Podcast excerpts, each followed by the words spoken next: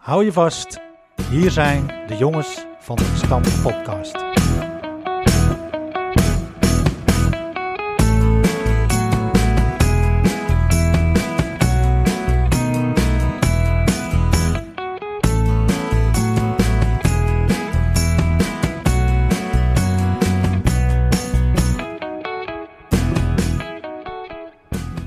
Van harte welkom allemaal.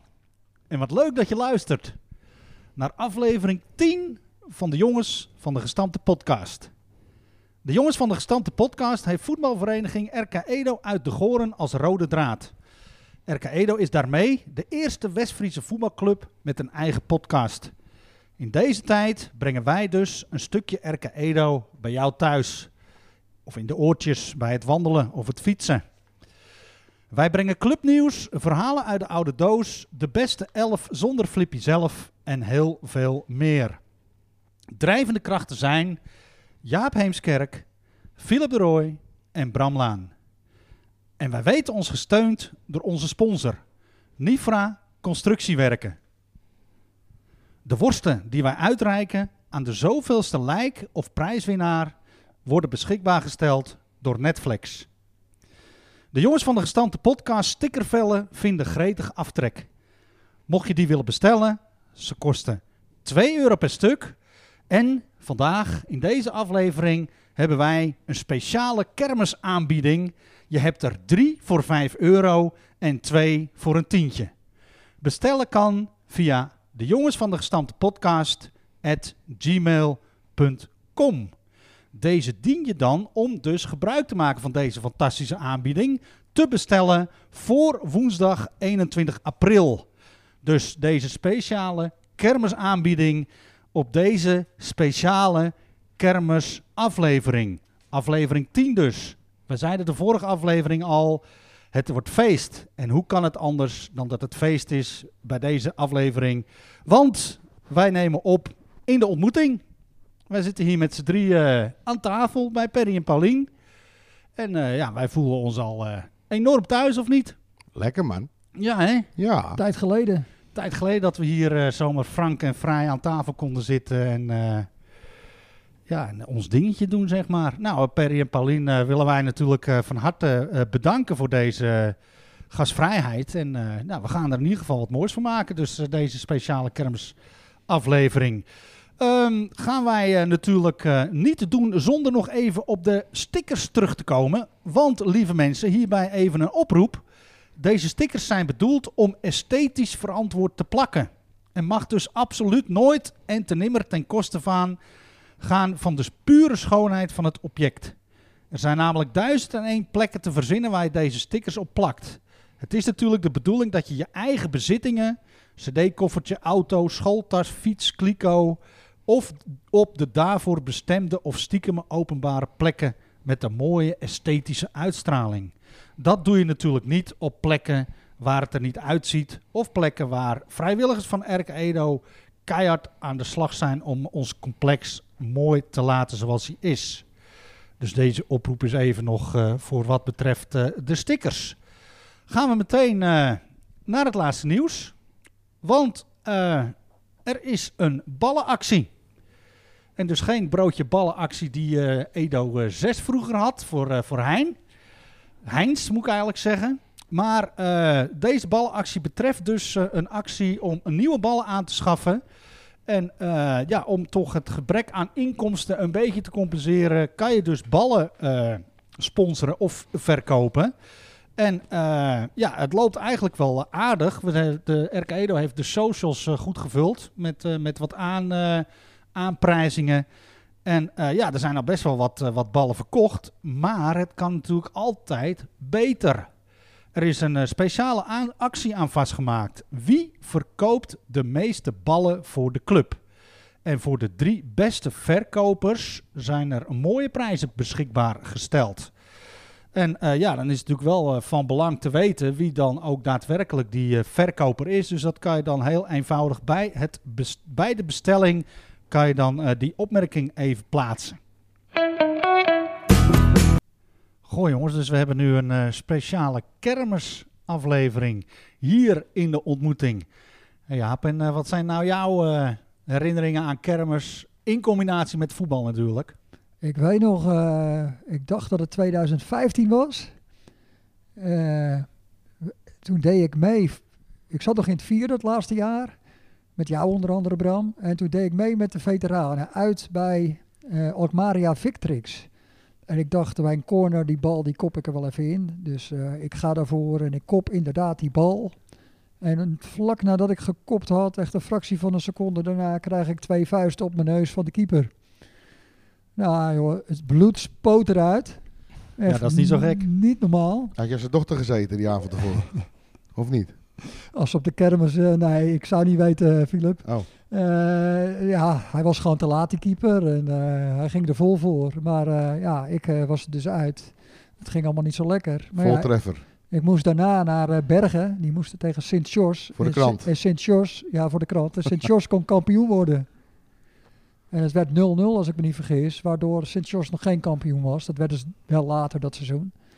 Maar ja, toen liep ik hier dus, of toen ging ik s'avonds nou, op de kermisborrel bij uh, Nico Braas van Nifra Constructiewerken. Mooi bruggetje. Ja. Zeker. Ja, de dag erna liep ik natuurlijk ook met twee blauwe ogen en nog foto, heb je nog foto's van? Daar heb ik wel foto's van, ja. Moet die ook online geplaatst worden? Nou. ik heb het zelfs als profielfoto op Facebook gezet toen. Aha. Twee blauwe ogen. En uh, ja, misschien was mijn neus zelfs wel gebroken. Maar ik, was, ik had geen zin om naar het ziekenhuis te gaan met de kermis.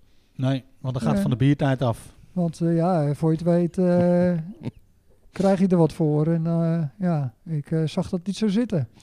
Maar goed, dat is één. En ja, als je nou zegt, waar, waar denk je aan met de kermis en de voetbal? Dan gaan de gedachten uiteraard naar het kampioensjaar 2002. Absoluut. En het lijkt mij dan ook wel leuk om die uh, in tikkie terug uh, te vertellen in deze podcast. Het is zo dat uh, na dat kampioenschap van het eerste en het tweede, dat Bram en ik een schrijversduo vormden in de Eendracht. En dat we zeven pagina's Eendracht vulden. Ja, ik kon niet, want ik moest voetballen. ja, ik moest ook voetballen. Oh wel? Ja. Oh, ja. Maar uh, ja, ik heb mijn belevenissen en Bramse belevenissen. Dat, uh, zoals Bram, Bram er tegenaan kijkt, hebben we samen in één verhaal uh, gebracht. En dat willen we nu in drie stukken in deze podcast laten horen.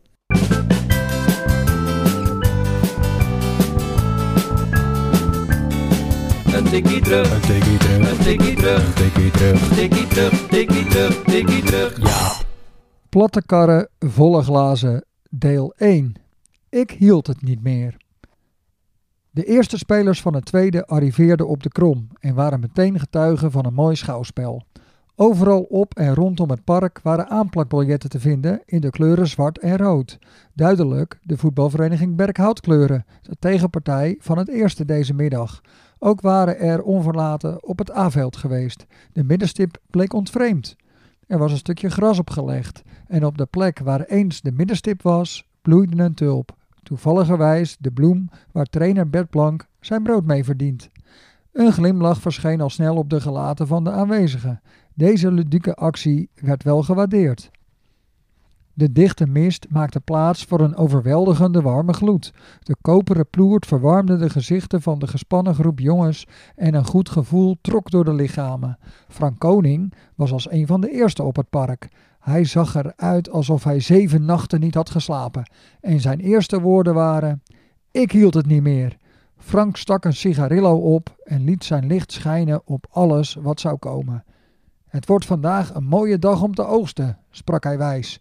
De melodie van het Erke Edo clublied werd zachtjes geneuried, zoals de Friese hun volkslied hebben en de Catalanen hun El Segadors. Zo hebben wij witte broek en witte trui. Kent u hem nog?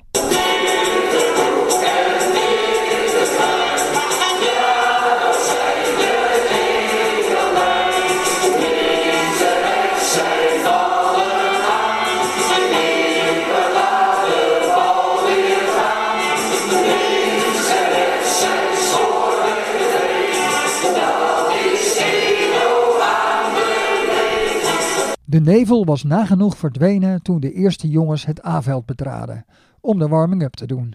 Als ballerina's dansten ze op het ritme van het clublied dat in hun hoofden dreunde. De tegenstander was DWB. DWB thuis nog nooit verloren. Maar vandaag diende de winst gehaald te worden. Daarom was iedereen van de partij. Als het om de knikkers gaat, wil je niet afhaken.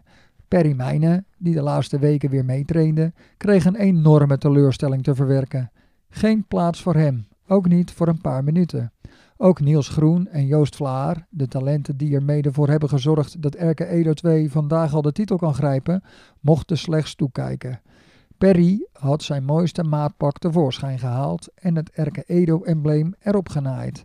Voorzitter André Blank keek er jaloers naar. Zo stond Perry zonder te spelen toch weer in het middelpunt van de belangstelling.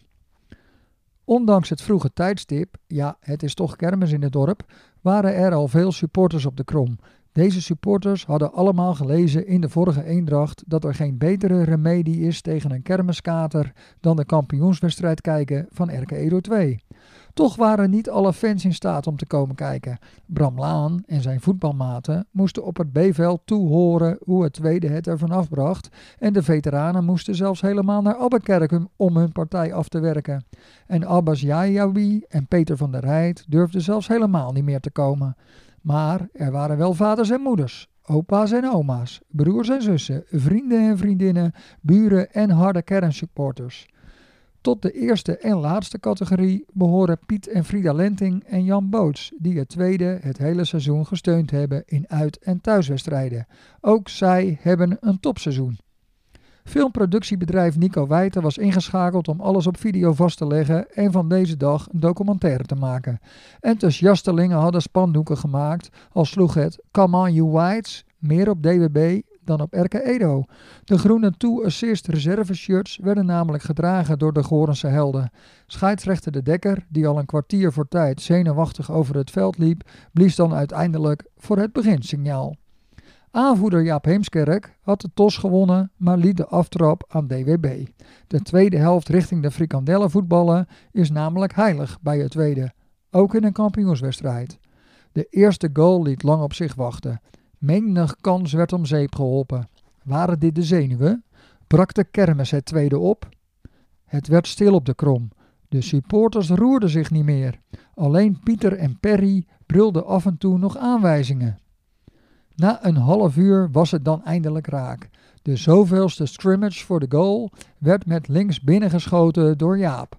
Een oorverdovend lawaai steeg van de tribune. Toeters overstemden de ju juichende menigte en Jaap rende het halve veld over met zijn armen omhoog, gevolgd door uitzinnige ploeggenoten. De pan was gebroken, de zenuwen weg. Het kon nu niet meer misgaan. Vijf minuten na de eerste treffer deed mooi weervoetballer Bart Smal zijn naam eer aan. Onder het heerlijke lentezonnetje tekende hij voor de 2-0. Weer diezelfde taferelen langs de kant. Weer een kluwe van juichende spelers. Het feest kon nu al beginnen. In de rust was er tegenoeg, maar een tekort aan suikerklontjes. Vincent Bos, de vaste vlagger, vult namelijk altijd zijn bekertje thee tot aan de rand toe bij met suikerklontjes, zodat de spelers het zonder moeten stellen. Maar een kampioenschap maakt kale thee zoet. De helden namen een lange pauze, zodat alle supporters de gelegenheid kregen een versnapering te koop in de kantine. In het begin van de tweede helft deelde DWB wat plaagstootjes uit, maar kwam niet tot scoren door goed werk van de verdediging. Vooral de na rust ingevallen Rijmond Bakker stond zijn mannetje. Bij DWB, overigens in de gelederen, de bij u wel bekende Frank van Rijn. Deze jongerenwerker is een tijdje in Colombia geweest en heeft daar goed werk verricht. Je kon wel zien dat hij daar ook heeft gevoetbald, want hij passeert een tegenstander net zo makkelijk als Faustino Asprilla in zijn beste dagen. Werd Carlos Valderrama destijds de blonde gullet genoemd in Colombia? In de weren noemen ze Frank Verijn de blonde Asprilla. Maar toen de zojuist ingevallen D van der Aar de 3-0 op het scorebord zette, waren de plaagstootjes van DWB over. John Bos maakte de 4-0. John brak door de verdediging, maar struikelde. Tijdens deze struikelpartij wist hij toch de bal tegen het net te plaatsen. Hulde. Je gaat in zo'n wedstrijd nog meer van elkaar houden. Het wijgevoel dat bij het tweede zo sterk aanwezig is, kwam tot een climax. Het publiek genoot met volle teugen en Pieter gebaarde Dennis Kenter om te gaan warmlopen. Dennis Kenter, zult u wel denken, die zou dit seizoen toch niet meer voetballen? Dat klopt, maar Dennis is berensterk en heeft er alles aan gedaan om in een kampioenswedstrijd te schitteren. Bart kreeg een applauswissel die Tuip graag had gehad. Tuip was de uitblinker van de wedstrijd, maar zat er tegen het einde van de wedstrijd aardig doorheen. Desalniettemin begon het vijfde doelpunt weer bij hem en uitgerekend Dennis Kenter gaf de laatste tik. Dit werd gevierd alsof de zilvervloot was binnengehaald. Het was opnieuw Dennis die het publiek deed juichen. De eeuwige smile op zijn gezicht veranderde in een gulle lach. Twee keer scoren bij een rentree in een kampioenswedstrijd. Het is toch fantastisch? Het bleef bij 6-0, al had scheidsrechter de Dekker wel door willen gaan tot de 10, want hij stelde het laatste fluitsignaal, waar wij zo naar snakten, alsmaar uit. Vlak nadat Dave naar de kant werd gedragen wegens fysiek ongemak, blies de Dekker voor het laatst. De Erke Edo-spelers vlogen elkaar weer om de nek. Supporters begonnen spontaan te huilen. Pieter was verschrikkelijk trots op zijn jongens en Perry pakte de kampioenshirts. Deze shirts waren sponsord bij Piet Mijnen Bloemenexport. De groene Two Assist shirts werden uitgetrokken en waren prooi voor de fans. De bloemen, uiteraard Alstromeria's, werden overhandigd en de champagne ontkurkt. Op het veld was een grote menigte aan het hossen en springen. De voorzitter schepte orde in deze chaos door de microfoon te pakken en Erke Edo 2 te feliciteren met dit fantastische resultaat. Hij deelde het tweede mede dat er een tafel op het terras voor hen was gereserveerd waar ze naar hartelust bier en broodjes konden nuttigen. Het kantinepersoneel had het er maar druk mee, want wat hadden de mannen van het tweede een dorst en ook de supporters wilden de brokken in hun keel maar al te graag wegspoelen. Er kwamen spuitbussen aan. De haren moesten wit en groen. Perry, tegenwoordig kaal, kreeg groene en witte stippen op zijn kale hoofdhuid. Vanaf dat moment trok hij als een moderne Dr. Anders Vijfje over het complex. Zijn missie was geslaagd. Hopelijk kan Bert Blank dit kunstje ook, moet Perry hebben gedacht.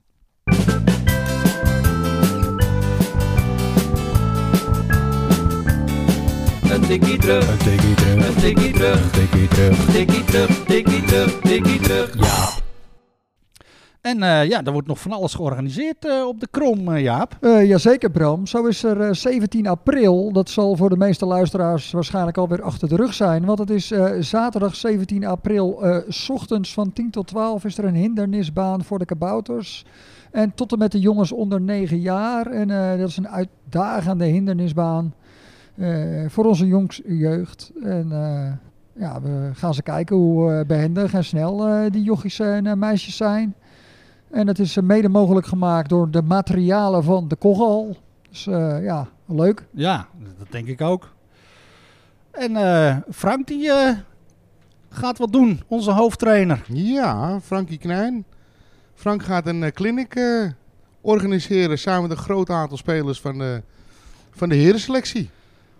En dat belooft een strakke, professionele, maar vooral een hele leuke middag te worden.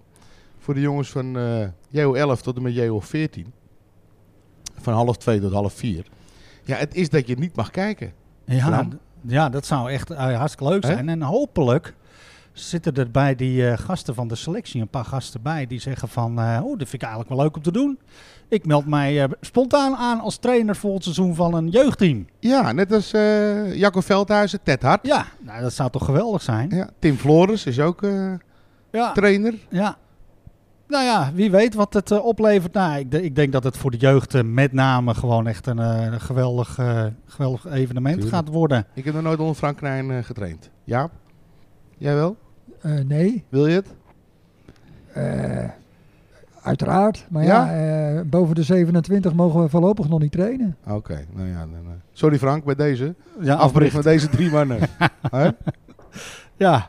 ja, en er is natuurlijk van alles te doen over, over de Regio Cup die wel of niet georganiseerd zou worden. Nou uh, is het wel zo dat er voor de jeugd al indelingen bekend zijn.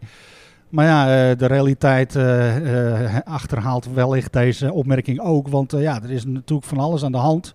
En ja, voor de senioren ziet het er, ziet het er een beetje somber uit, denk ik. Ik denk dat het niet meer gaat gebeuren. Nee, want er moet eerst nog getraind worden. Ik denk als wij elkaar nog gaan zien dit jaar met de veteranen, dat het een feestje wordt. Oké. Maar dat zal het enige zijn, denk ik. Nou, ja. ik ook, teken ik nu voor. Het ligt eraan wie er komen, maar ik ben er. En dan heeft eh, de gemeente Kogeland Eh, een geweldig, eh, geweldige clinic ook voor een ieder in het vooruitzicht gesteld. Namelijk op 5 mei. Want dan komt Tiki Taki eh Touzani langs. Zeg ik dat eigenlijk goed? Tiki Ja, Taki Tiki Taki Touzani. Met, met wat prominente ex-voetballers. Uh, Cornelissen, Simon Tahamata.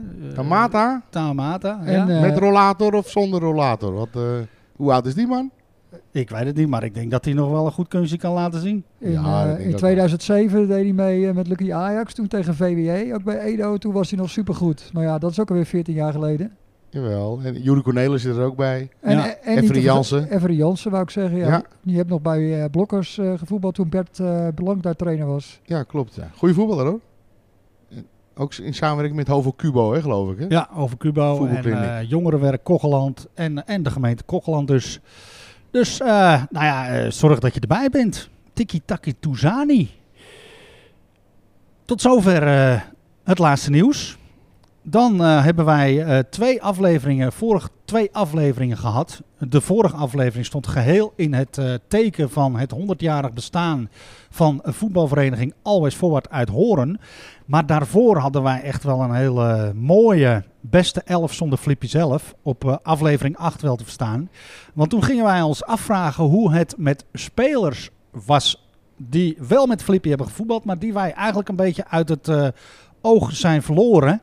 En eh, ja, we hebben allerlei reacties gehad en dat vinden wij echt super tof. Want eh de jongens die, hebben, die zijn echt goed in de pen geklommen. En ja, daar hebben we hele mooie verhalen over. Te beginnen met, eh, met Dennis en Robert. Oh ja, Her Rotters natuurlijk. De Her ja, nee, uiteraard. Eh, ja, Dennis die eh, stuurde helemaal een mailtje. Hartstikke leuk vinden we dat natuurlijk. Ik zei in, in die podcastaflevering nummer 8 dat ik dacht dat hij ergens in de Alpen woonde in Frankrijk. Maar dat blijkt niet zo te zijn. Hij woont in Zuid-Frankrijk, vlakbij eh Saint-Tropez.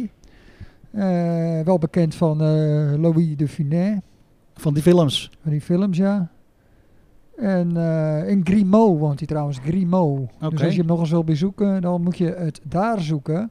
En eh, hij vertelde ook dat eh, zijn broer Robert, die is leraar voor moeilijke leerlingen in Amsterdam. En zijn vader en moeder wonen in Purmerend, Hans en Joke. En Dennis is, heeft daar ook nog anderhalf jaar gevoetbald in Frankrijk. Volgens Dennis, hij zei, ik zat in een bier- en marihuana clubje. En eh, daar is hij helaas mee moeten stoppen vanwege een hernia. Oké. Eh, ja, hij zei ook dat hij eh, de podcast heeft geluisterd. Leuk initiatief. En hij zal proberen zo af en toe onze afleveringen te beluisteren. Dus eh, nou ja, eh, bedankt voor je reactie Dennis als je luistert. Ja, mooi. En we hadden nieuws uit eh Tuitje Horen. Jazeker, Tuitje Horen. Gert-Jan Wind. Hallo Bram, Jaap en Flippy. Wat een superleuke podcast. Eh, via Bart Smal heb je het horen gekregen dat er een podcast was van RK Edo. Hij heeft alle afleveringen op één dag in één keer afgeluisterd. Oké. Hé? Dat is toch leuk, hè? Dan moet je vroeg beginnen. Hij vindt het helemaal top. Het gaat eh, uitstekend met Gertjan Wind. Alweer 14 jaar woonachtig in Tuitje Horen. getrouwd met Hester. En ondertussen samen drie kinderen. En eh, inderdaad 30 jaar al, alweer eh, werkzaam bij eh, de firma Lenting. Hij is al 10 jaar trainercoach bij de jeugd van Hollandia T. En hij komt inderdaad elk jaar bijna op het Ergedo eh toernooi. Ja. Het blijft voor hem toch als thuiskomen voelen. Omdat, zoals hij het zegt, het is toch je clubje, hè? ja, leuk hè. En altijd leuk om bekenden terug te zien. Hij heeft samen met, ja, met de firma Lenting heb je de, de, de verbouwing eh, geregeld op Sportpark de Krom. En eh, met alle steunpilaren van RK Edo, met Peter Smal, Albert Dekker. Gaan zo maar door. Eh, ja, voor Gert-Jan hebben we dus weer een trouwe luisteraar erbij. En eh, hij moedigt ons aan om, eh, om vooral zo door te gaan. Ja, leuk, leuk. En een bericht van eh, Sander Glandorf. Ja, dat is eh, natuurlijk hartstikke leuk. Sander die had er nogal een werk van gemaakt. Een eh, enorme epistel. Maar ik zal daar even wat puntjes uithalen. Eh, hij was op het spoor van onze podcast gezet door eh, zijn zus Mieke. En eh, hij begon in aflevering 8, waarin hij dus in de beste 11 zonder Flippy zelf zat. En dat vond hij zo leuk dat hij gelijk alles is gaan terugluisteren. En ze hoorden die ook over zijn neef Ertje Buisman. En ja, zo leer ik nog eens wat, zei hij over mijn familie. Hij wist ook niet dat ome Gert van hem dus de bedenker was van de Krom. En ja, hij moest ook nog even tot zijn verdriet zeggen dat hij dus nooit in het eerste van eh RK Edo heeft gezeten, gevoetbald. Mede door een slopende liesblessure. Eh, in die tijd trainde hij natuurlijk wel veel mee met de selectie. En hij is momenteel eh, psychosomatisch fysiotherapeut. Hoe zeg je dat? Ja, ik moest het goed uitspreken van hem. Dus psychosomatisch fysiotherapeut. En daarvoor gewoon fysiotherapeut. En eh, ja, dat betekent eigenlijk dat hij zich bezighoudt met mensen die eh, veel stressgerelateerde klachten hebben. Heb je zijn nummer, Bram? Ja, ik heb het genoteerd. Oké. Ja, Bram is altijd vooral zenuwachtig als hij moet voetballen natuurlijk. Oh, Ik ben altijd moet fluiten. Ja, of ik moet Maar fluiten of voor- podcast opnemen, noem maar op. Ik ben Ah, eigenlijk altijd Ah, oké. Ik Nou ja, zo fluiten, hoor. gespannen. We hebben eh Sander zijn nummer. Dus eh, Ja, nou, Sander woont in Amsterdam Nieuw-West eh, met zijn vrouw Thea. Met wie hij alweer 16 jaar samen is. En eh, ja, helaas voetbalt hij dus niet meer. Maar eh, hij doet aan hardlopen. aha. Nou ja, Sander, die had echt inderdaad een, geweldig verhaal geschreven met allemaal leuke anekdotes. En- echt super tof. En wat misschien ook nog wel leuk is. Hij heeft een, een lijst, een grote lijst waar, waar hij al zijn vaantjes in hebt hangen. Het stond bij hem ergens eh, achter, maar eh, het is misschien wel leuk als we die eens op onze eh, Facebookpagina Ah, ja. en op Instagram plaatsen. Want hij heeft een foto van gestuurd van al zijn vaantjes die hij in zijn Edo-tijd heeft eh, gekregen, gewonnen. eh. nou, Ja. het is wel leuk om die te plaatsen, denk ik. Oldschool, hè? Vaantjes. Ja, echt geweldig. Ik heb er ook nog een aantal. Vaantjes. Ja, schaatsen. Ja, Ook. nou, dan zeg je wat. Ja, mooi. Ik ben één keer derde geworden, hè? Met de korte baanwedstrijden IJsclub de Goren. 20 kilo geleden. Ja, nou, ik denk misschien wel 40 kilo geleden. Maar wel een eh, bronzen plak. Top. Hè? Maar er deden er vier mee, die ander was gevallen. ik ben toch trots op. En eh, we hebben bericht van de Zuidas in Alkmaar. Want daar is eh, Vincent Bleker neergestreken. En eh, die heeft ook gereageerd, want die was ook uitverkoren in het, eh, zoals Vincent zo mooi zei, mythische elftal. De beste elf zonder eh, Flippy zelf. Heeft ook met heel veel plezier geluisterd. En ja, Vincent gaat alles goed. Eh 2010 vriendin ontmoet. Samen woont Alkmaar. Oudste dochter in 2012. 2014 tweede dochter. En eh, ja, dan wordt getrouwd. 14 mei is de bedoeling eh, dat eh, Vincent eh, gaat trouwen. Mag jij dat doen als paps? Nee, ja, ik doe dat niet, eh, niet denk ik, buiten de gemeente.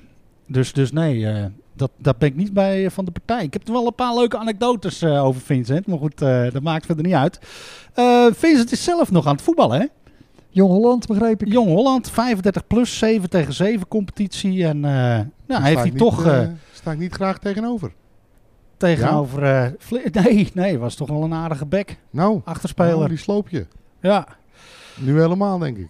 Nou ja, hij heeft zijn dochter, eh, zijn oudste dochter, voetbalt inmiddels ook bij Jong Holland.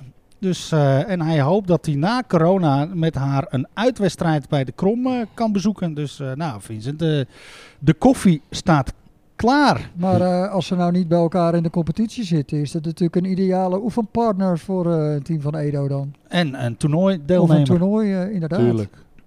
Ja, Club van Robert-Jan Bol, hè? ja Jong Holland. klopt. Ook geworden in. Hè?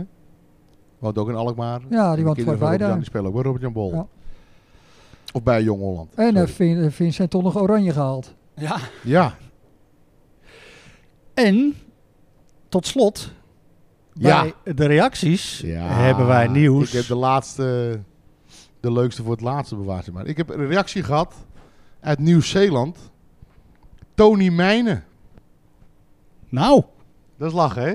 hoe is je Engels, Flip? Ja. Ik geef jouw varken een vogel. Kun je dat eh, Ja. vertalen? Want ik heb, eh, ja, natuurlijk krijg ik het in het Engels eh, terug eh, van Tony. Ik heb ook keurig in het Engels gemaild naar hem hoe het met hem gaat. Ik zal een stukje, eh, ja, voorlezen wat hij terugmailt. En hij begint dus met, eh, hallo Koeman, hoe gaat het? Wat leuk om van je te horen. Ik speel nog steeds voetbal en ik maak nog steeds doelpunten. Ik speel in de 35-plus competitie. Maar ik heb ongeveer vier dagen nodig om te herstellen. Wat mijn privéleven betreft, ik woon in een plaats ongeveer 40 minuten ten noorden van Wellington. Hij heeft een 15-jarige dochter, wat heel goed gaat. En voor zijn werk is hij tv-cameraman. Hij doet dus het nieuws in Nieuw-Zeeland. Interessant, hij doet alle grote sportwedstrijden. Hij mag eh, lokale en, en, nationale eh, mensen, beroemde mensen in Nieuw-Zeeland interviewen. En hij heeft fantastische goede herinneringen aan Erke Edo. Eh, het voetbal was hier echt voetbal. In Nieuw-Zeeland veel fysieker, veel fysieke kracht. Meer een soort rugby. Maar bij Edo, ja, het was het, naast dat het gezellig was, zegt hij, eh, ja, veel meer eh, om het voetbal zelf. En niet dat, eh, dat gebeuk zoals dat rugby in Nieuw-Zeeland. Hij herinnert ook nog zijn eerste doelpunt. Het is wel leuk hoe hij dat beschrijft. Want, want hij zegt dat hij de bal kreeg van Hans Dekka. Hans Dekka. Hans Leuk. Dekka. Die de bal over de verdediging heen schoot. Hij controleerde met de borst en vervolgens schoot hij met links in de hoek van het doel. Eh, ik heb een elftal foto waar Tony ook op staat, heb ik meegestuurd eh, in de mail, dus daar reageert hij op. En hij eh, zegt dat hij de volgende personen nog kan herinneren. En dan zegt hij, eh, eh, de achterste rij, dat is Ari, maar daar bedoelt Ad Groot. Daarna staat eh, Vladimir Vlaar. Daarna staat hij zelf. Daarna staat Henk Lenting. En daarna weet hij het even niet. Heb ik even teruggezocht, maar het is Koen Lenting. Tony kan dus eh, Koen Lenting niet, zich niet meer herinneren. En waar Jaap het net over had, over Dennis Herrotte, die staat daar weer naast. Die kan hij zich ook niet herinneren. Maar Eduard Seuren als coach, Ja, die kent hij wel. leuk. Hè? En dan heb je de onderste rij. Dan zegt hij, eh, eh, de eerste is eh, Maurits Bos.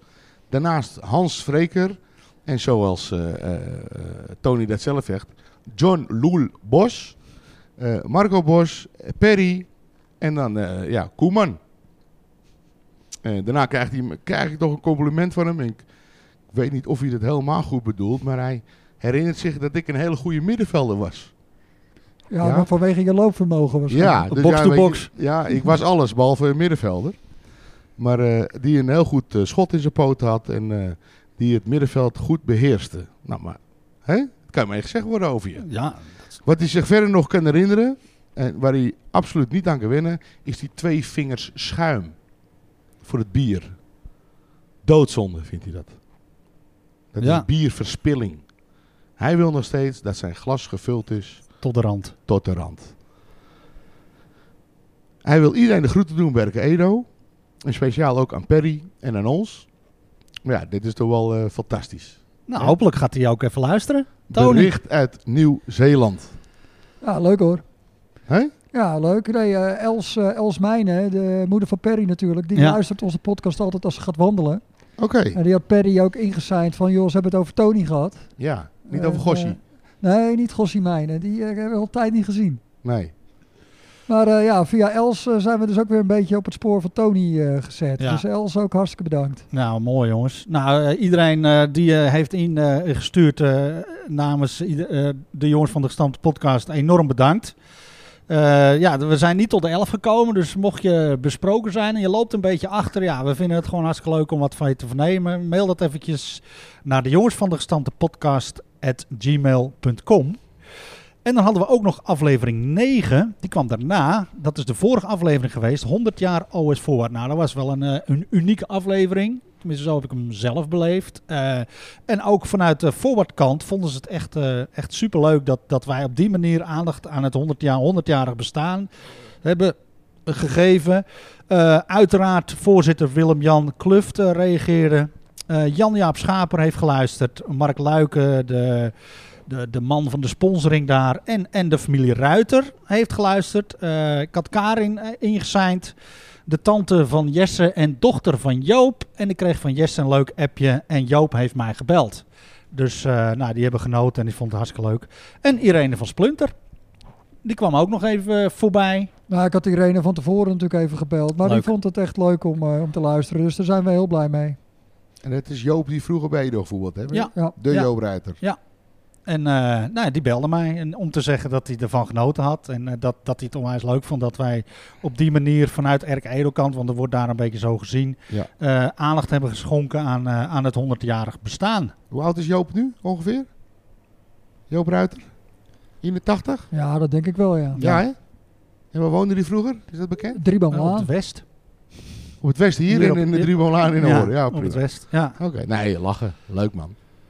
Zo, en dan gaan we nu naar deel 2 van de platte karren, volle glazen, oftewel...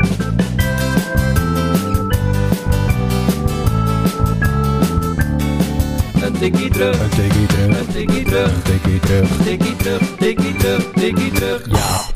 Platte karren, volle glazen, deel 2. Everybody Salsa. Nu was het tijd voor het eerste.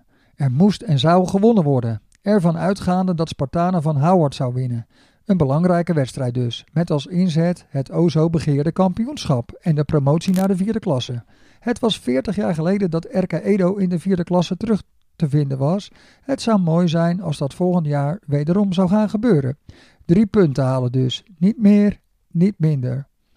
Ondertussen dromde de krom vol met mensen, aangetrokken door het mooie weer, de aanstaande wedstrijd en wellicht het feest dat na de wedstrijd gevierd zou gaan worden. Een opperbeste sfeer dus, te vergelijken met de wedstrijden uit het seizoen 89-90. En onze gedachten gingen terug naar het laatst behaalde kampioenschap van ons vlaggenschip.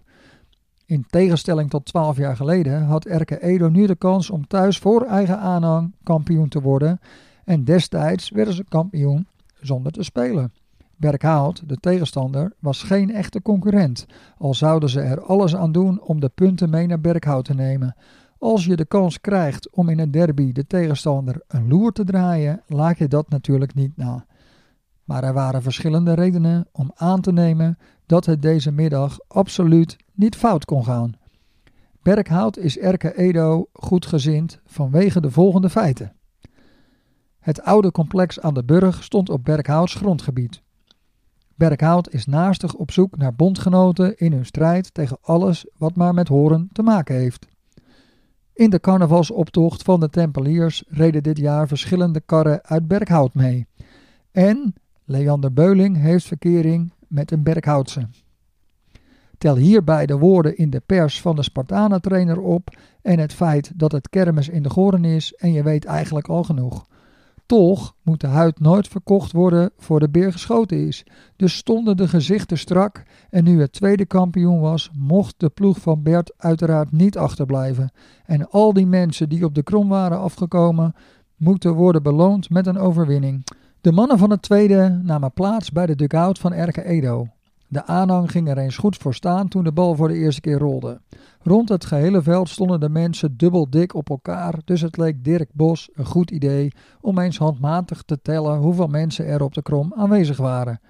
Hij was nog maar op een kwart of de 1-0 lag al in het mandje. Na een uiterst gevoelige en slimme bal van Maurits Bos kwam Stefan Vlaar alleen voor de boomlange keeper en wist hem te verschalken.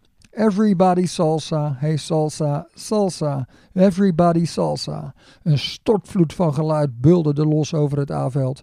Alle meegebrachte toeters, slimme kermisexploitant, en windhorens loeiden erop los en ook de knetterende fakkels werden aangestoken. De spanning was daarvoor duidelijk merkbaar geweest. Het leek haast muisstil op de krom, maar bij het doelpunt liet de Erke Edo aanhang horen waartoe ze allemaal in staat is. Mila rende naar zijn geliefde cornervlag en trok zijn witte shirt uit, waarna zijn Brazil-shirt tevoorschijn kwam. Zijn medespelers haasten zich zijn richting uit. Radio West-Friesland berichtte overigens dat Maurits het doelpunt maakte, maar ze hadden het mis. Het was toch echt Mila. 1-0 voor en wat een geweldig moment. Berkhout was een beetje aangeslagen, maar pakte de draad daarna aardig op en werd zelfs enkele keren gevaarlijk. Al gingen daar enkele fouten van de verdediging van Erke Edo aan vooraf. Erke Edo was dus gewaarschuwd en had mazzel dat deze momenten van lichtzinnigheid niet werden afgestraft. Patrick Schouten was deze wedstrijd uitstekend op dreef en de reporters van Radio West-Friesland prezen zijn ijver, inzet en dadendrang. Na wederom een slalom door de Berkhout-offensie brak Patrick door op links en paaste de bal precies in de voeten van Stefan, die zijn tweede treffer liet aantekenen. 2-0. Het kon niet meer misgaan. De voorbereiding op een waar volksfeest konden van start gaan. Vijf minuten voor het laatste fluitsignaal zocht de fotograaf van de Polder Express de begeleiding op om te vragen of het mogelijk was meteen na de wedstrijd een elftalfoto te maken. De beste man had haast. Bert Plank en Mark Poland keken elkaar aan en zonder te lachen vertelden ze hem dat dat wel heel lastig zou worden. De scheidsrechter, die overigens zijn laatste wedstrijd floot, blies op zijn fluit en een groot spektakel speelde zich af op de krom.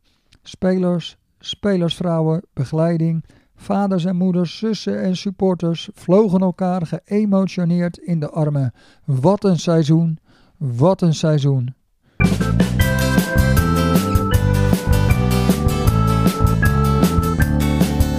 Tikkie terug. Een tikkie terug. Een tikkie terug. Een tikkie terug. Tikkie terug. Tikkie terug. Tikkie terug. Ja. Dat waren mooie tijden, Jaap. Weet je het nog? Eh, waar zit je op de doelen? Kapper Ed. Oh ja, ik weet het zeker nog wel, ja. Hij knipt nu al veel dingetjes eruit, maar na het kampioenschap nodigde hij ons allemaal uit. Ja, de hele selectie was uitgenodigd om eh, de haren te laten eh, bleken. Hoe noem je dat? Eh, blonderen. Blonderen, hè? Dat daar, eh, H2O2, waterstofperoxide. Ja, dat is een goedje, hè? Ja, dat Daar- kan heftig reageren. Maar Arjo, hè? Arjo, ja, die was een van de spelers die, eh, die inderdaad eh, blond ging.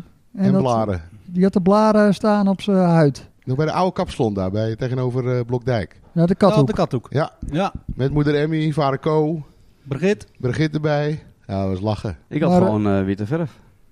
Jij? Ja, niet, Oh. eh, niet peroxide. Roller. Bol? Nee, met, met, een, met een kwast echt stip op mijn op mijn kop gezet. Ja, nee, maar dat was dus tijdens, eh, na het tweede al. Toen kwamen de spuitbussen.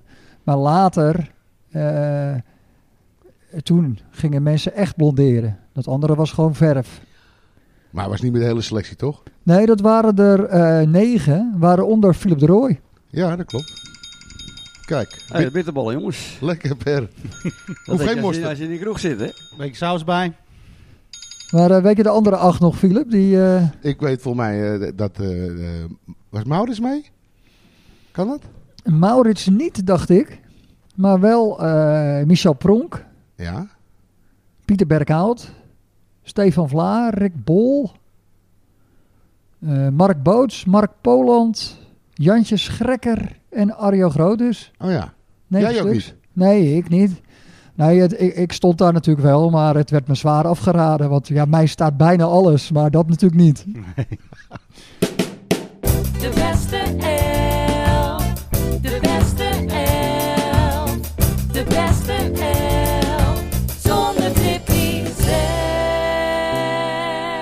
Ja, dat blijft toch wel een geweldige tune, hè, Flippy? Tuurlijk. Met eh, onze Abraham eh, Patrick eh, als natuurlijk grote animator eh, namens de gestante podcast boys. Van harte gefeliciteerd Patrick.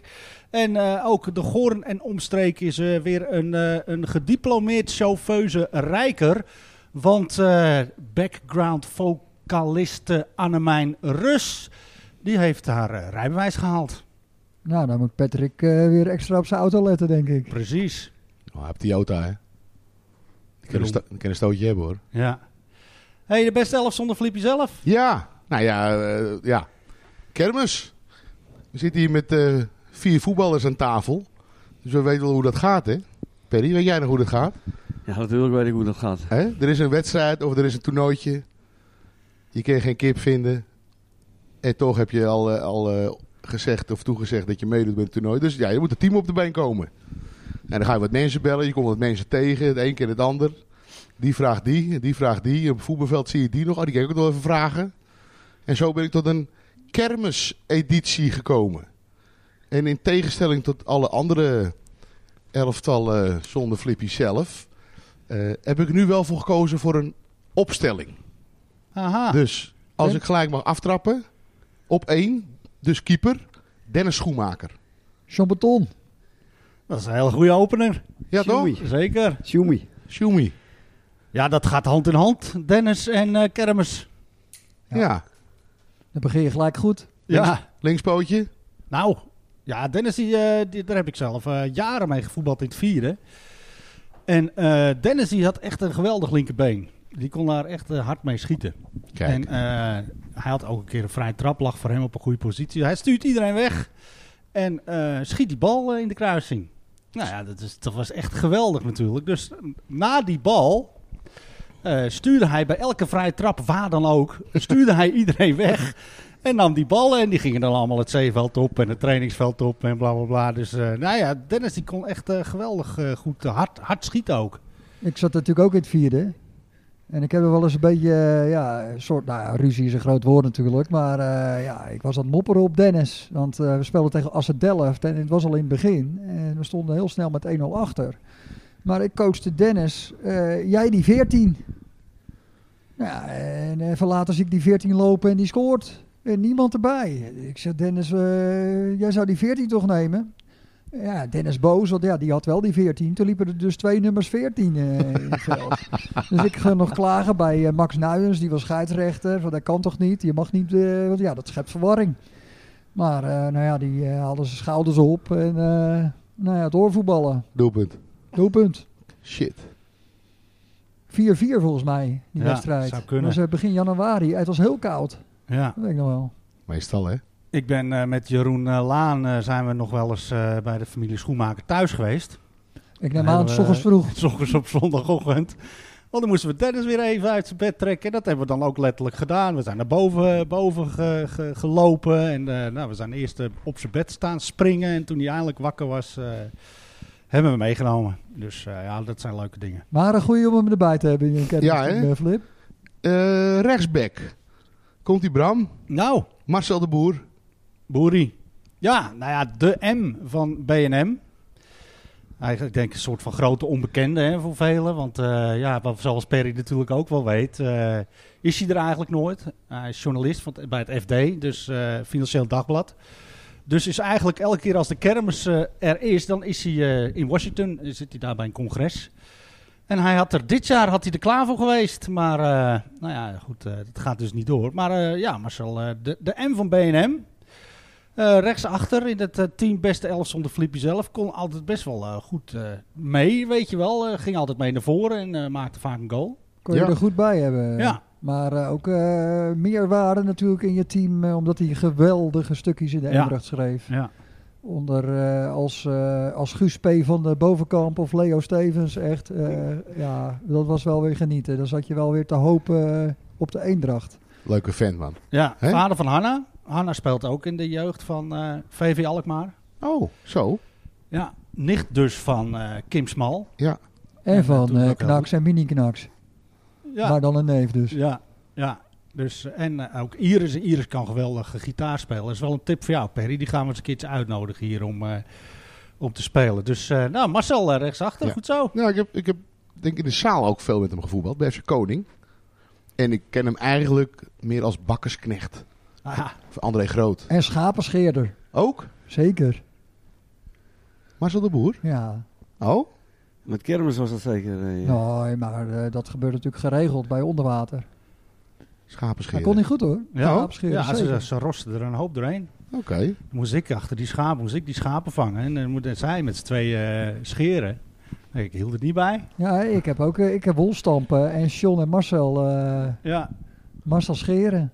Lachen. Zwa- ja, dan moest je, nog, eh, moest je nog je best doen hoor, om het bij te houden. Want eh, ze, ze konden het heel vlug. Dat geloof ik. Ik, ik ga snel door. Eh, Ik op laatste man. Dus, dus op drie. Perry, komt die. Dit, dit is jouw generatie. Hans Vreker. Hansie, ja. Eh, ja uit Zuidermeerder. Eh, heel fijne ploegmaat. Ko- Altijd aanspeelbaar ook. Eh, goed overzicht. Bleef rustig.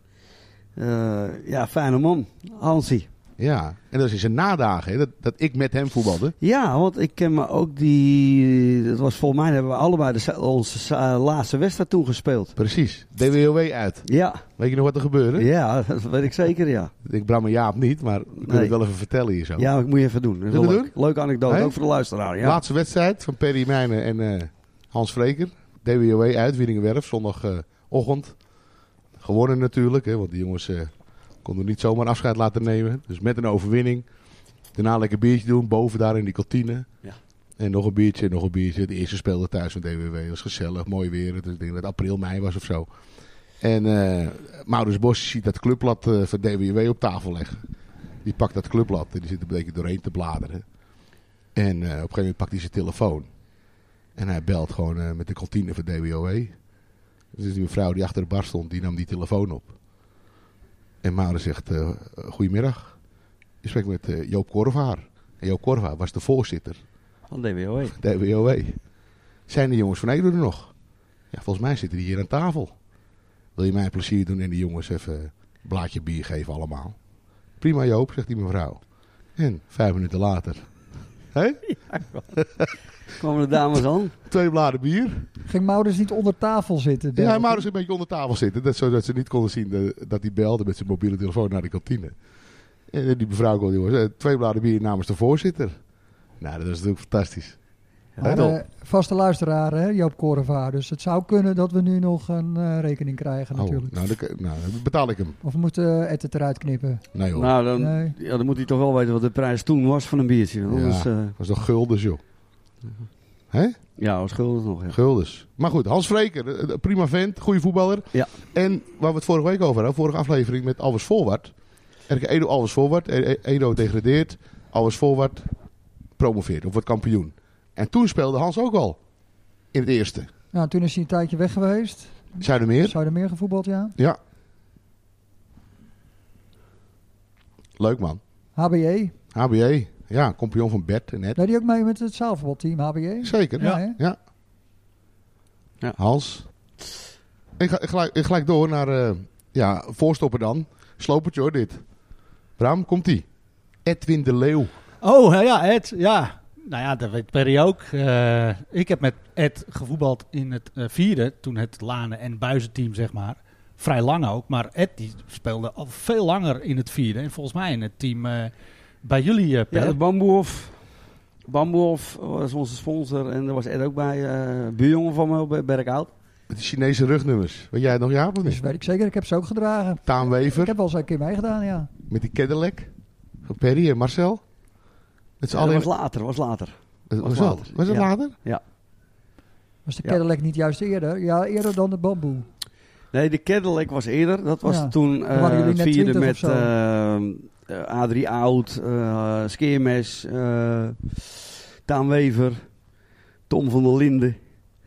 ehm Bisschop? Mes. Bisschop op doel? Nee, nee, nee. Frank Pronk nog volgens mij. Oké. Ja, En later dus het eh, team met, met eh, Robert en Ja. Willem en eh, Ja. noem maar op. Ja. En Edwin dus. Ed Edwin, Leeuw. Voorstopper. Ook een linkspoot. Ja. Jij ook linkspootje? Ja, Oh. zeker. Ah, geweldig kerel man. Ja, Altijd lachen. ja zeker. Hè? Blij man. Blij Ja. man. Hij kon, ook Link- goed, hij kon ook goed schaatsen, toch? Het Ja. Leoper. absoluut. Scheef schaats. Niet zo, goed- niet zo goed als Wendy, als zus, maar hij kon goed schaatsen. Ja. Ja, alles van moeder. Moeder Gree was ook een uh, Fanatiek schaatsen. ja, ja. ja. Keurig. Ja. Oké, nou Edwin Leeuw dus, voorstopper. En dan linksback. Eelco de Vries. Elko, mijn buurjongen. Van Sjoerd. Ja. Ja, die heeft, eh, hij heeft het echt heel lang volgehouden volgens mij. In het, in het vierde toen met, met het team wat toen met Jeroen Bakker en Patrick en Camille en zo. Camille Schouten, Patrick Laan. En eh, ja, Elko heeft ook nog een tijdje op doel gestaan daar. Oh, Ja, dus... eh, maar Dus die- ja, die was natuurlijk ook niet af te stoppen. nee. Dus als Dennis eh, geblesseerd raakt, dan eh, kan Elke nog op doel Elke in jouw elftal. Ja, Ja, dat het je- handig om er één achter de hand te hebben. Hoge ballen, daar is, en groot is hij niet natuurlijk. Hè? Elko. En ik ken hem ook nog als eh, de bloemenman hè? op vrijdagavond. Kwam hier langs de deuren, kwam hier bloemen verkopen. Ja, Ondernemertje hoor. Ja. En eh, hij was natuurlijk een van de anima- ja, eh, grondleggers van de Club van 100. Samen met Bertus Braas en ik dacht eh, Fred Brix. En volgens Ja, mij zat klopt. Perry ook in dat Ja. eerste bestuur. Klopt. Leuk. Dus wel zijn sporen verdiend ook bij de club. Absoluut. zeker. Absoluut. In het, het eerste gespeeld heb ik ook Elko. Niet heel veel, maar ik denk zeker dat hij wel minuten gemaakt heeft hoor. Ja, zou zomaar kunnen. Ja. Nou oké. Eh, rechtshalf. Wouter Langeberg. Mega. Mega. Kom hem vaak tegen. Ik heb hem ook getipt eh, dat hij zijn schoonvader aan moet eh, Sporen. sporen om, eh, om de podcast te luisteren. Dat heb je inmiddels gedaan. Maar eh, hij heeft ook een paar keer in het tweede meegedaan. Maar op zich wel een verdienstelijk voetballer hoor. Mega. Nou, ik heb meer met Thomas en eh, Jeroen denk ik. Ook, ja. Voetbal dan met, eh, dan met Wouter. ja. Maar Wouter een goede voetballer. Groot en sterk. Maar En ook een rechtshalf. ke- kermisklant, hè? Ja, tuurlijk. Toch? Die kan je zo bellen voor het toernooitje dus. Ja, waarschijnlijk wel. Diezelfde ja. Eh Mid-mid. Nick Brunot. Voor het loopwerk heb je die. Ja, nou, ik denk niet dat hij die middencirkel uitkomt. Maar hij kan wel het spelletje verdelen, denk Ja. ik. Nicky. En Ja. assistent van Frank eh, natuurlijk nu, van Frank Knijn. Oud voetballer van eh VVA de Spartaan, volgens mij. Zat hij daar? Ja, Amsterdam-West. Kom je daar, daar bij die... eh, En daar hebben we ook nog een Geuzenveld. keer tegen gevoetbald. ja, wel een keer gevoetbald, ja. Nick, maar Nick, een goede voetballer, hoor. In de zaal toch ook? Zaal ook. Ja, ik was een keer bij dat hij zijn Achillespees afscheurde. Dat was minder eh, prettig. Gelijk naar het ziekenhuis. Brei, breinaaltje erbij of haaknaald. Oeh. De Achillespees eh, terug te halen, anders, anders lost hij op of zo. Met, eh, Je kunt toch nooit zo heel ver zijn, meen ik? Hè? Nee, nee, korte pootjes inderdaad. Hè? Maar ik wil hem niet zeker benoemen in, in het kermis, eh kermisteam. En dat geldt ook voor eh, ja, onze eh, linkshalf, hè, ben ik, hè? Joris Bol. Ja. Jongens. Joris was eh, mijn eerste bruidegom.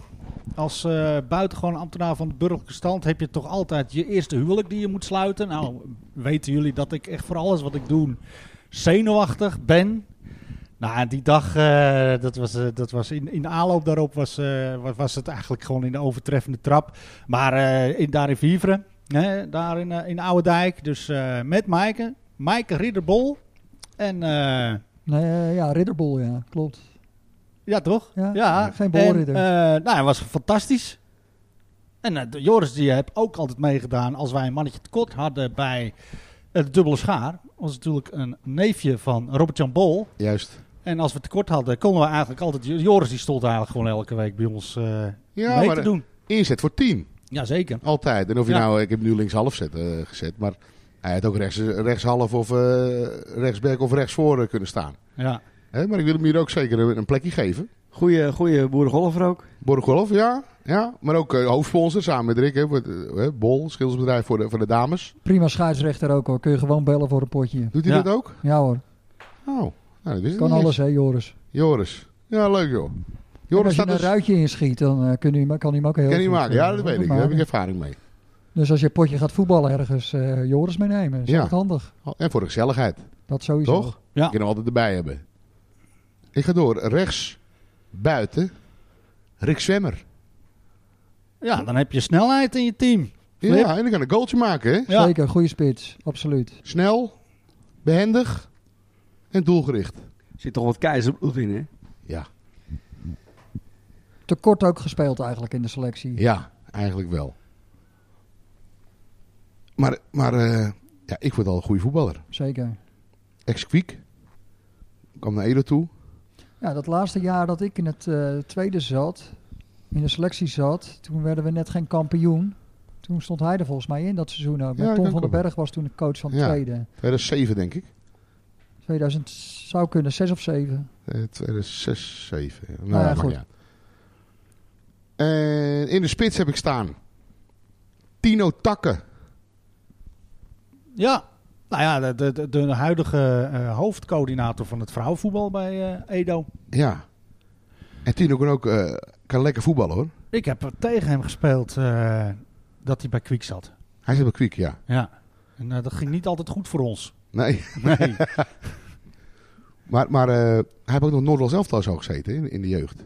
Met die jongens, 13, 14 jaar of zo. Maar echt een goede voetballer. Hè? Altijd van die trucjes. ja.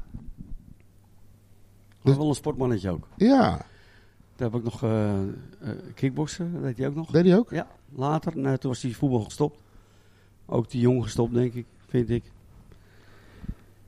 Kickboksen. eh, ik heb hem nog een wedstrijd zien, eh zien kickboksen. Hij was in de houten, hè, maar nagaan. Oh ja, Ja, lachen. ja. En die, hij voelt misschien eh, samen met, eh, met Bol, met eh, Joris, voelen ze elkaar misschien extra goed aan in zo'n team. eh, als schilders zijnde. Ja. De een schuren, de ander lakken. Prima toch? Ja, lijkt me wel. Maar een plekje in de spits voor, eh, voor Tino. En dan begin ik bij de laatste, linksbuiten. Eh Stefan Pater. Nou, die hebben we natuurlijk al eh, uitgebreid ook besproken met die Ja. prijsvraag een keer. Hoe was het ook alweer, Bram? Nou ja, we hadden natuurlijk toen die, eh, die afscheidswedstrijd van zijn vader Nico. Juist. En eh, toen hadden wij als prijsvraag, dat was trouwens een schitterende middag en, en avond. En eh, dus een wedstrijd tegen Corifeeën die Nico mocht uitnodigen. Tegen het, het toenmalige vierde. Volgens mij dat jij ook mee, Flip. Ja. In dat, in dat, in dat team. En nou ja, Stefan die scoorde dus de, de laatste goal in Nico's carrière. Dus dat was ook eh, de prijsvraag Tegen zijn vader. tegen zijn vader. Maar dat, dat soort klusjes kon je ook wel aan hem toevertrouwen. Want hij had best een goed, goed, eh, goeie, goed gevoel in zijn, in zijn rechterbeen. En eh, kon die balletjes toch ook altijd wel aardig voor, voor krijgen. En speelt nog steeds in, in RK Edo 4. Ja. Samen met oud-gediende Marcel en Pieter. Marcel van Dellen en Pieter Loos. Die speelde toen ook al in het vierde bij ons, in dat team. Dus ja, Stefan. Ik had nog een keer een eh, beslissende assist op Stefan. Uit bij West-Friese, vlak voor tijd. Er stonden volgens mij 3-3. En wij kregen een strafschop. En we hadden in het team Bram Laan, meervoudig penaltybokaalwinnaar. Marco van der Jacht, penaltybokaal gewonnen. Nico Pater, meervoudig penaltybokaalwinnaar. En niemand durfde hem te nemen. Dus ik pak die bal. Ja, pak je verantwoordelijkheid. Ik was gewoon aanvoerder. Hè? Ik pak Ja. die bal Oh-oh. en ik geef hem aan Stefan. Oh, En die schiet hem erin. ja. Beslissende assist. Lachen. Met kermis. Nee, niet met kermis. Oh. Ja, of misschien kermis zwaag. Dat zou kunnen. Oh, dat zou kunnen. Maar het prima elftalletje weer, hè? Zo, Ja. hè? Ja, nee, eh, daar kun je wel mee op pad hoor. Eh, Ja, een dacht kermistoernooitje. Misschien dat ik zelf wel meega om te vlaggen dan. Ik mag mezelf niet opstellen. Dat is eh, nog niet eens zo gek. Ja. Ja. De beste elf. De beste elf. De beste elf. Zonder Tippy zelf. En dan gaan we gelijk maar even naar de slotepisode van Platte Karren Volle Glazen.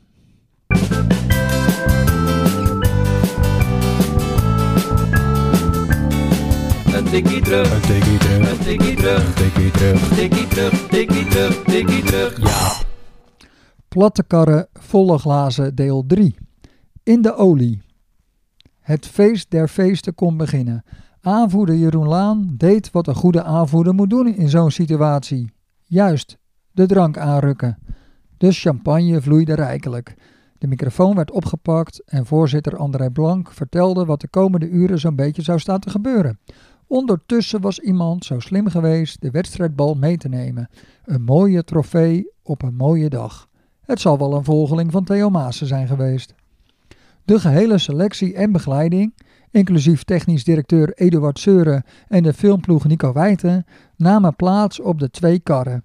Op een van de karren werd een pierenbadje neergelegd en Kees Heemskerk nam plaats achter het stuur. De tocht kon beginnen. Als een ware love parade trok de stoet door het dorp. Zwaaiende mensen, bonkende muziek, vrolijke gezichten en een horde mee fietsende supporters. De mensen wisten niet wat ze zagen. Enkele stonden de karavaan op te wachten, anderen zaten lekker in hun tuintje te genieten van een kermisborrel. Spionnen van carnavalsvereniging De Tempeliers stonden onopvallend langs de route om te kijken of ze een toekomstige prins carnaval konden ontwaren. En vooral Philip de, Rooij, de Rooij scoorde weer een hoop punten. De optocht ging langs de kerk en langs de cafés. Bij Dolleburg stond Willem Duin de ploeg toe te zwaaien. Maar voor de horeca was het uiteraard een dubbel gevoel toen ze de feestvierende stoet voorbij zag trekken. Kees Blokdijk kwam met pils en beloofde gratis entree diezelfde zondagavond. Overigens waren de wagens ook goed uitgerust met kratten gerstennat. Bij het gemeentehuis nam Pieter even de tijd voor Piet Commandeur, een van zijn trouwste supporters. En bij het huis van Robert Bakker aangekomen werd een heus lang zal ze leven ingezet. Drie dubbel feest voor die brave borst. Bij de krom aangekomen maakte een Ferrari plaats voor de kar die voor de kantine tot stilstand kwam. Er werd één kar afgekoppeld, de ander werd voor het terras gezet. Iedereen nam weer plaats op de kar en daar werd het feest voortgezet. Zingen, springen, hossen en DJ Dr. Anders Vijfje Mijnen trok alles uit de kast. Ondertussen werd alles door Nico Wijten op film vastgelegd met als werktitel Daar hoorden zij schrekkertje zingen. Toen trok de selectie zich terug en kleedkamer 9 om even tot rust te komen. Het was het uitgelezen moment voor alle spelers om elkaar eens uitbundig te feliciteren, zonder andere mensen erbij. Toen iedereen weer op orde was, kwamen de boys van Bert hand in hand naar buiten. Ze namen wederom plaats op de kar en deden een diepe buiging naar alle supporters. Als blijk van dank, ook voor alle steun die ze hebben mogen ontvangen. Trainer Blank gaf een speech, gevolgd door voorzitter Blank. En André Schouten werd uitvoerig bedankt. En ook André werd een mooi kampioenshirt aangemeten. Na een paar uur feesten zat het feest erop op de krom. Allemaal de kar weer op en hup naar de ontmoeting, naar Kees Blokdijk. Gratis entree en een hele kroeg vol met feestvierders. Niemand had echt goed gegeten en iedereen raakte aardig in de olie. De band liet toe dat de gehele selectie op het podium kwam te staan. We Are The Champions werd weer gezongen en Jaap kreeg er geen genoeg van. Keer op keer dook hij van het podium. Het bleef nog lang onrustig in de goren.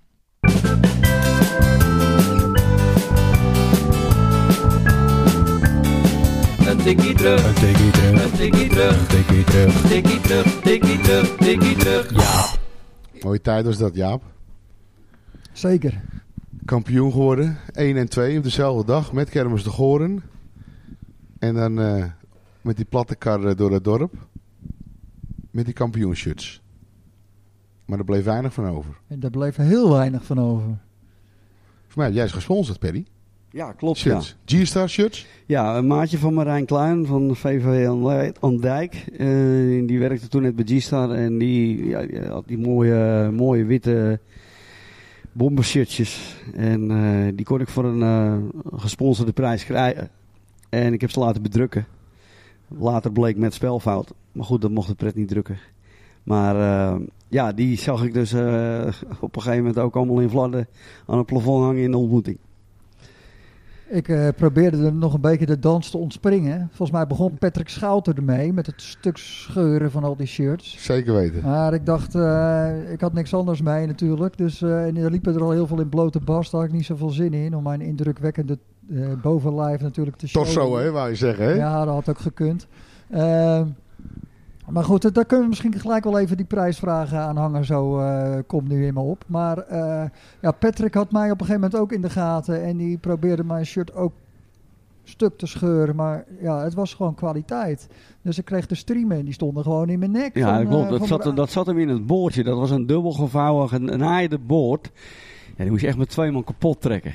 Was een goed. ronde hals. Ja, op een gegeven moment was het dus stuk. En eh, nou ja, zoals jullie hoorden, dook ik nog wel eens eh, van het podium. eh, en dat was gewoon, ja, dat hoorde een beetje bij de kermis natuurlijk. Maar dan had ik echt, ik, op een foto zag ik ook nog alle aan elkaar geknoopte stukjes stof om nog maar wat te bedekken.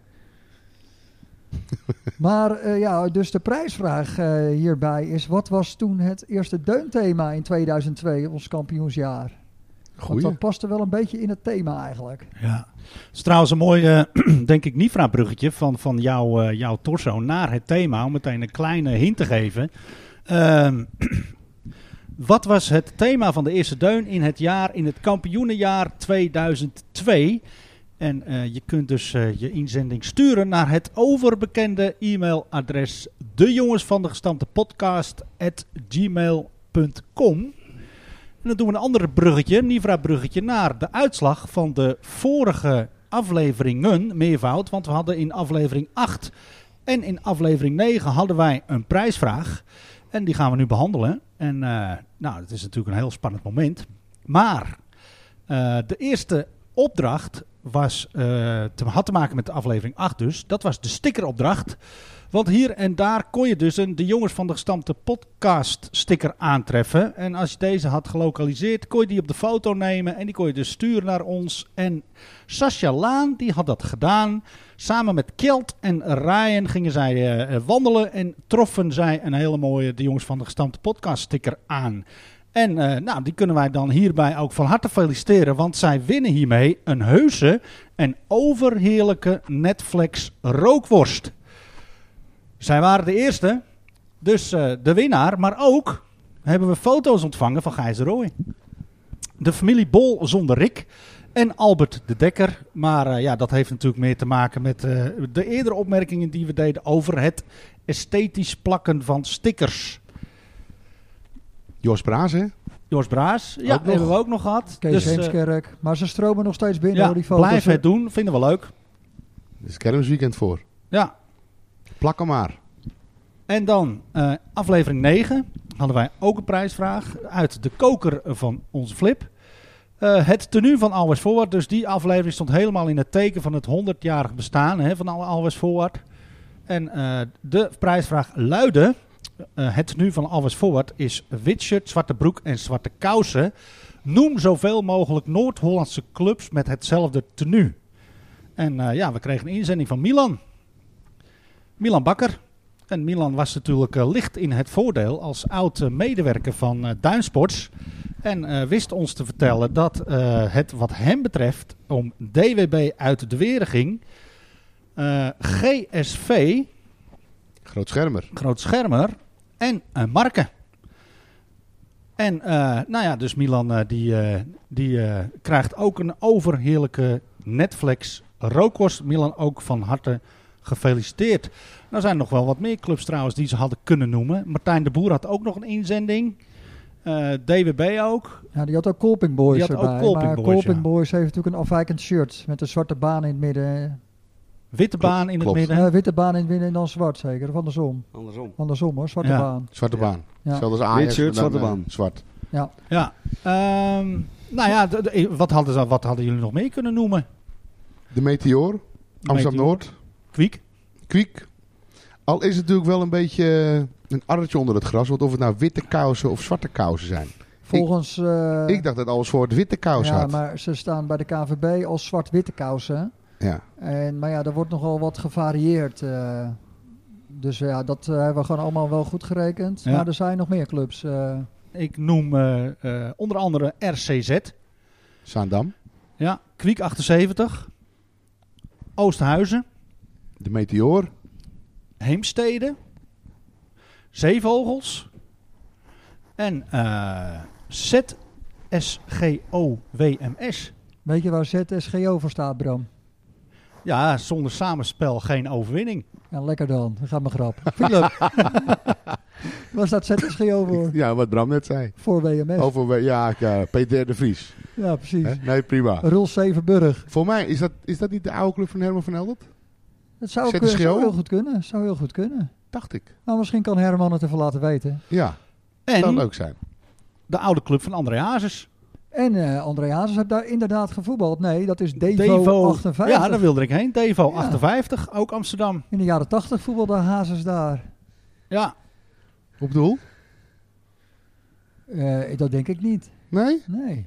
Was de keeper? Nou, ik zie hem niet als eh sneller rechtsbuiten. Wel. Per? Ja, dat zeker niet. Ja, we hebben, Keeper? Ik weet wel dat hij in de jaren 80 in Werkhout stond. ja, Het eerste concert. ja in, eh, in de hal. In de Kochal. Bij, eh, De eerste Kochal, zeg maar. Bij Tol Vestering. Ja, de Kocheland Occasions. En dat ze eh, na aflopen nog even verder gingen bij mij in de kelder. Ja, Ja. Flippy. Ja, ja. Wou dat ik erbij was. Ja. Ja, toen was jij nog te jong. Wanneer was dat? 86 of zo? Ja, ik, ik was eh, midden twintig, denk ik. Ja. En? Ja, ja. Lachen? Ja, echt. Super, super leuk optreden. André. Ja, hij had toen net een paar hits. En eh, dan staat hij hier in, eh in Berkhout. Bij de buurman. Bij mijn buurman. Ik heb s'nachts al, al auto's nog wel uitlopen trekken met de trekker. Want het was één baggerbende. Super slecht weer. En gewoon op het land parkeren. Man, man, man. Mooi. mooi zo. Lachen. Nou Per, dan zijn we aan het einde gekomen van deze, deze aflevering 10. De bekende kermisaflevering. Eh leuk dat je er was. Leuk dat je eh, hebt eh, bijgedragen. Graag gedaan. Ik vond het Super bedankt namens de jongens van de gestampte podcast. En eh, nou ja, sowieso eh, super bedankt voor, eh, voor eh, de gastvrijheid. Hè, om hier in de ontmoeting eh, aanwezig te mogen zijn op deze, op deze vrijdagavond. Oh, kut, ik moet die bitterballen nog even uithalen. Ja, hey, super bedankt Perry. Het voelt Graag goed gedaan, hier hè? Ja, voelt goed. Maar toch ook weer raar. Ik zie daar een plekje aan de bar en ik denk Nou. als het weer kan, dan is die voor mij. Zo. Naast die sticker. Naast die stickers, ja. Juist. Fingers crossed, jongens. Yo, High type Hey, succes met eh, de volgende edities. En eh, bedankt dat ik eh, erbij mocht zijn. Jij bedankt. Deelgenoot van. Ja, Jij graag bedankt. gedaan. Top. Nou, fijne kermis. Ciao. yo. Hoi.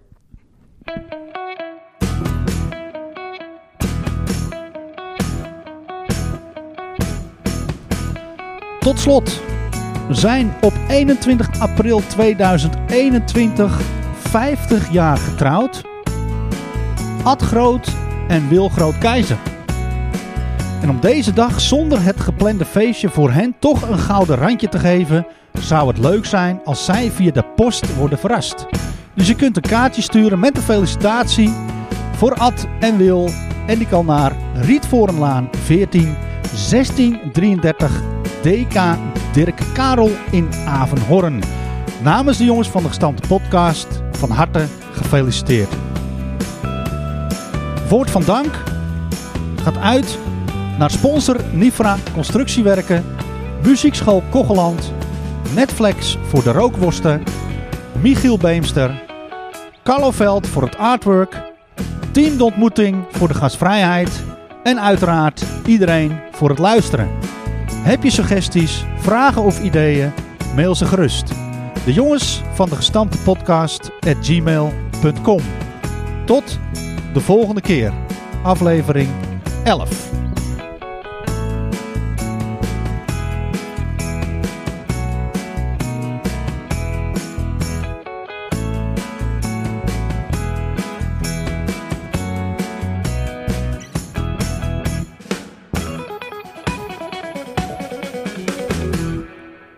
Ja, en dan denk je dat het af is. Maar na de eerste deun doen we ook nog een laatste kreun. Dus eh, omdat het kermis is, een toegift.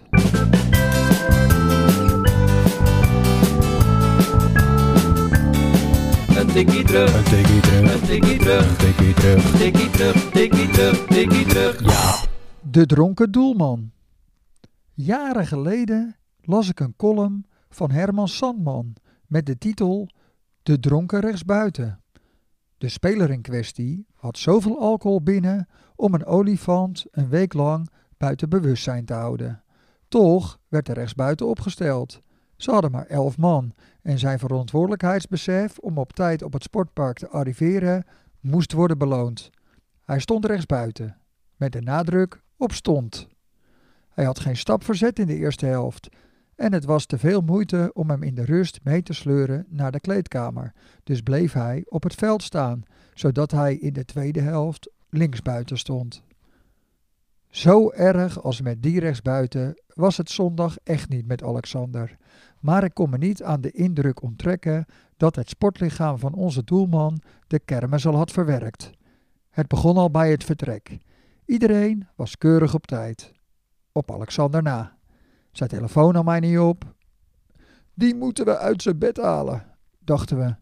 Dat is ook precies de reden dat we een uur voor aanvang van de wedstrijd hadden afgesproken bij vertrekpunt de Biep. Naar VVS 46 is het maar een kwartiertje rijden, dus drie kwartier van tevoren vertrekken is normaal gesproken prima. Maar de luxe van een kwartier calamiteitentijd laten we ons graag welgevallen, zeker met de kermis. Net toen we koers wilden zetten naar de Elisabethstraat om Alex uit zijn bed te lichten, kwam hij sneaky aansloffen via het paadje achter de voormalige Amax. Hij mocht nog lang niet fietsen, dus hij had voor een wandeling gekozen. Op dat moment hadden we al beter moeten weten. Tom stond echter niet te popelen om zijn laatste wedstrijd van het seizoen onder de lat te gaan staan, waardoor we Alexander het voordeel van de twijfel gaven. Na een minuut of tien kregen we daar al spijt van. Alexander schoof de bal zomaar in de voeten van de spits van VVS 46, die verbaasd de bal in het verlaten doel schoot. Een blunder van onze sterdoelman. Dat zijn we niet van hem gewend. De signalen die zijn geest bereikten, werden door de alcohol niet op de juiste manier omgezet in handelen en dat moet frustrerend van hem zijn, want hij is de fanatiekste uit ons team. Waar wij in de loop der jaren, gevoed door de aftakeling, hebben leren verliezen, hield Alexander zich die jaren van, van dat leerproces met andere zaken bezig. De wijsheid, als je goed tegen je verlies kunt, kun je enkel winnen, zit niet in zijn systeem. Het moet dan ook verschrikkelijk voor hem zijn toen hij in de slotminuut een tweede fatale blunder maakte, waardoor VVS de winnende treffer scoorde. Waar wij de verliespartij smiddags op de kermisborrel al hadden verwerkt, heeft Alex wel even tijd nodig om die onaangename psychosociale emoties een plekje te geven. We hebben hem dan ook niet meer op de kermis gesignaleerd.